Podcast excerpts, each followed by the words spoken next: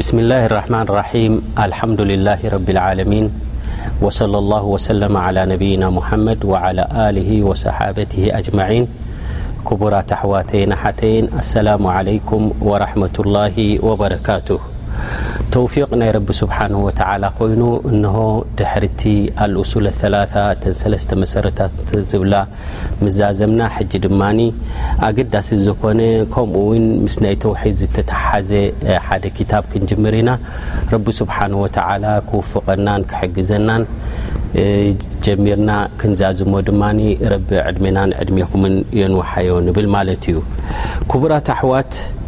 እዛ ጂ እንሪኣ كታب ድማ ኣلقዋعድ ኣ ብል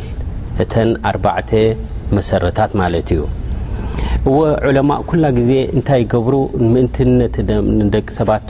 ና زያዳ نክበርሃልና ክፍلታት እዳገበሩ ኣ ሓ እናበሉ ክግለጸልና ከሎ ብቁፅረን እናግበርና እቲ ትሕዝቶ ክንርድኦ ንኽእል ማለት እዩ ንምሳሌ ሕጂ ከምዚ ናይ ሰላት ኣርካን ከንደዚአንየን 1ን ዋጅባት ድማ ከንዲዚአንየን ሸዓተን ከምኡ ድማ ሽሩጥ ከምዚአን እየን ኢሉ ክግለጸልና ከሎ ብቁፅረን ክንፈልጠን ከለና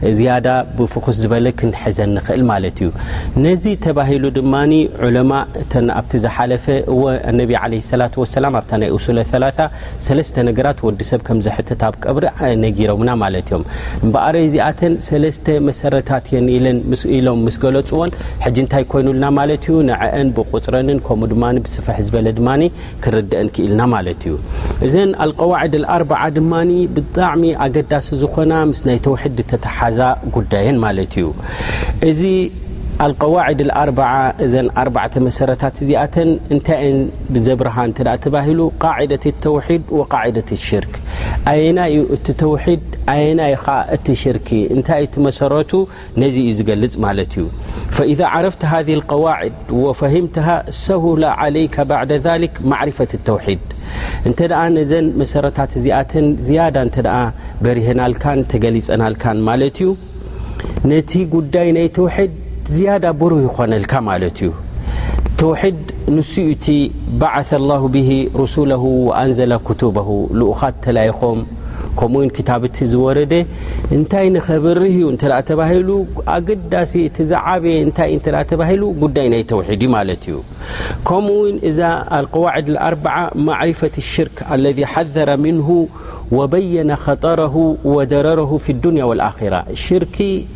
ዓብይ ኣበር እዩ ዓብይ ፀገም እዩ ዓብዪ ጉድኣት እዩ ምክንያቱ ሓደ ወዲ ሰብ ኣብ ሽርኪ እንከሎ እንተ ካብዚ ዱንያ እ እተ ቶባ ከይበለ እንተ ወፂኡ ማለት እዩ ዕድል የብሉ ኒጀና እሞ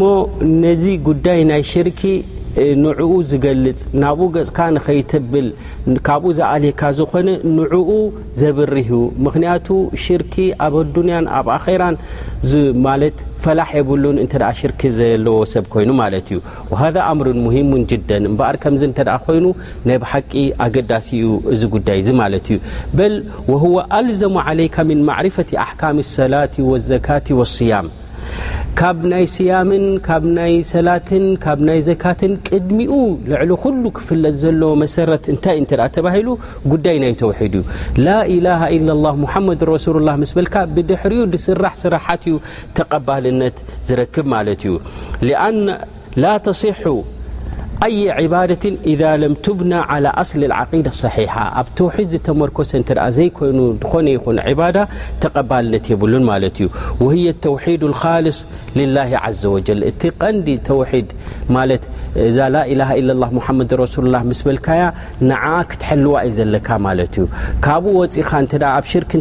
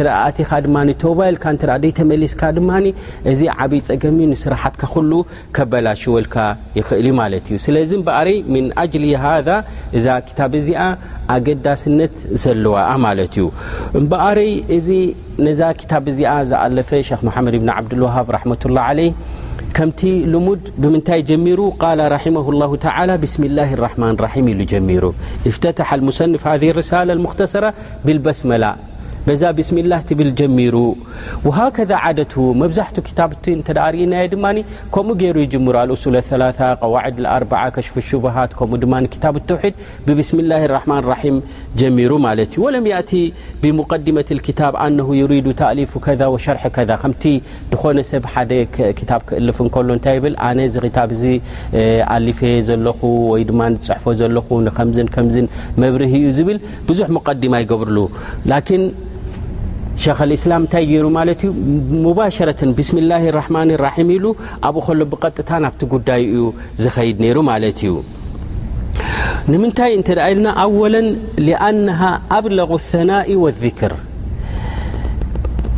لثና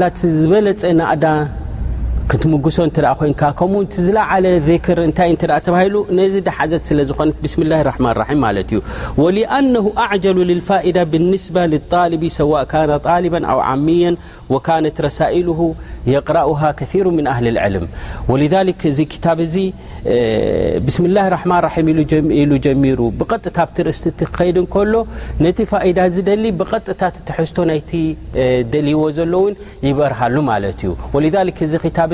ዙ ፁ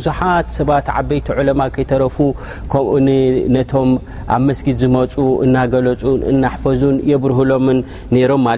ድ ዘ ዝ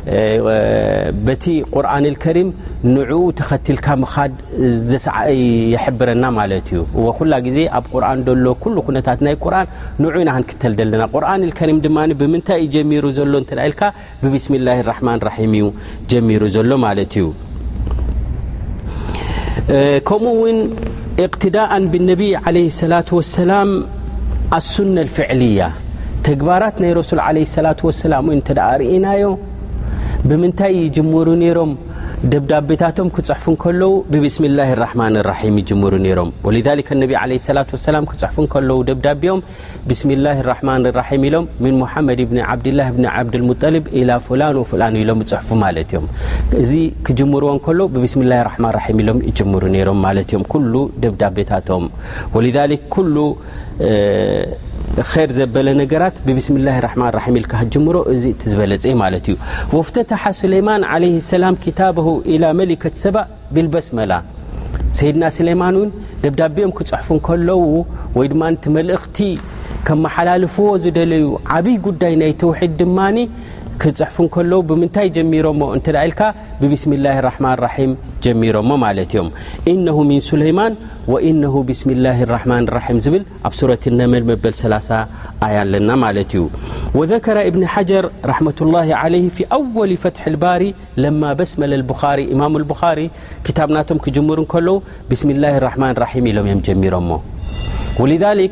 ታይ ብ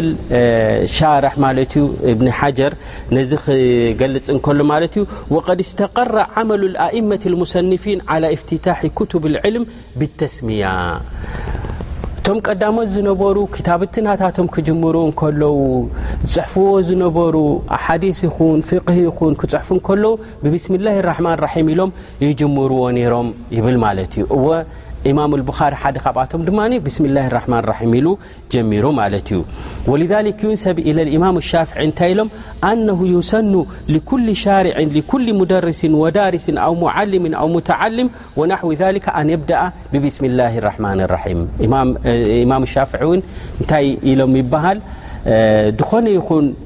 الاعنلم ንደቂ ሰባ ዘምህር ድዩ ኸር ነገር ክጅምር ከለኻ ስኒ ብስምላ ራሕማን ራሒም ክጅምር ሱናይ ይኮነሉ ኢሎም ማለት እዮም ወይ ድማኒ አልሓምዱልላህ ትብል ማለት እዩ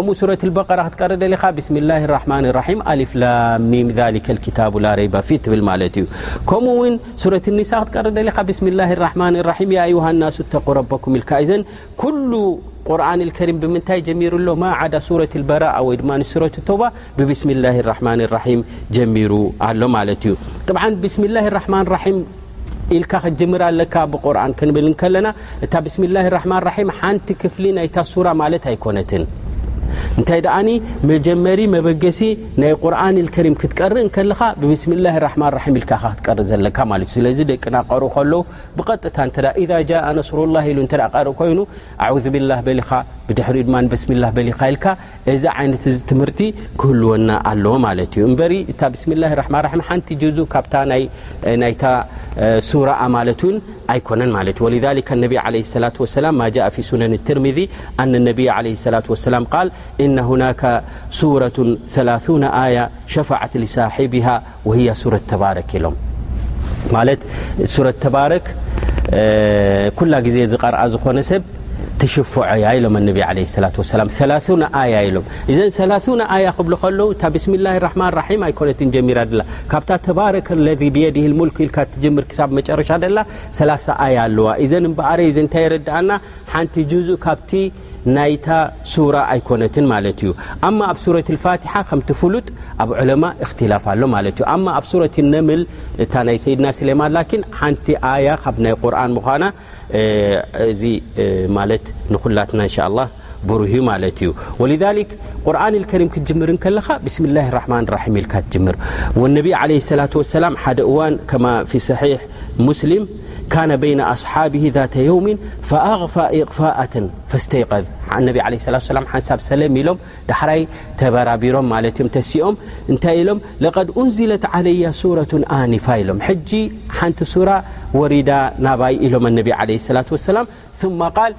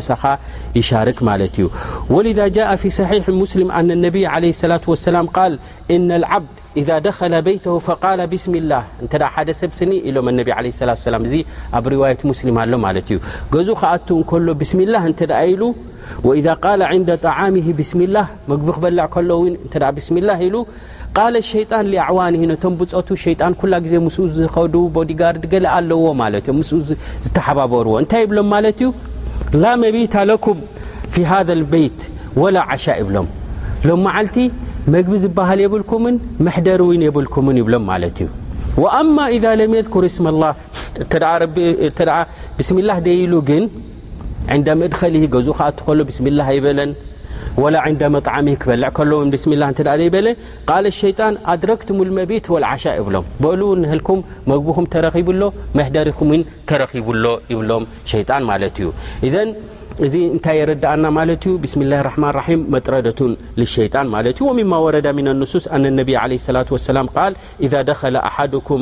إذا أت أحدكم أهله فليل بسمالله اللهم جنبن الشيان وجنب الشيان مارزقتنا فإنه ن قدر بينهما ولد لم يدره الشيان بد لمرواية البخاريسلت ر بسمالله لم ي عله الة وسلاماللهم نبن الشيان ونب الشيان ارتنا እሞ ኣብዘ ለይቲ እዚ ረቢ ስብሓه ወ ውላድ እ ከቲብሎም ኮይኑ ስኒ ብሸጣን ኣይንካአን ሸጣን ድማ ኣይጎድኦን እዩ ይብ ነቢ ለ ላة ሰላ ማ ዩ ዘ መስጊድ ክተኣት ኸለካ ውን ብስሚላ ትብል ማለ ዩ ማ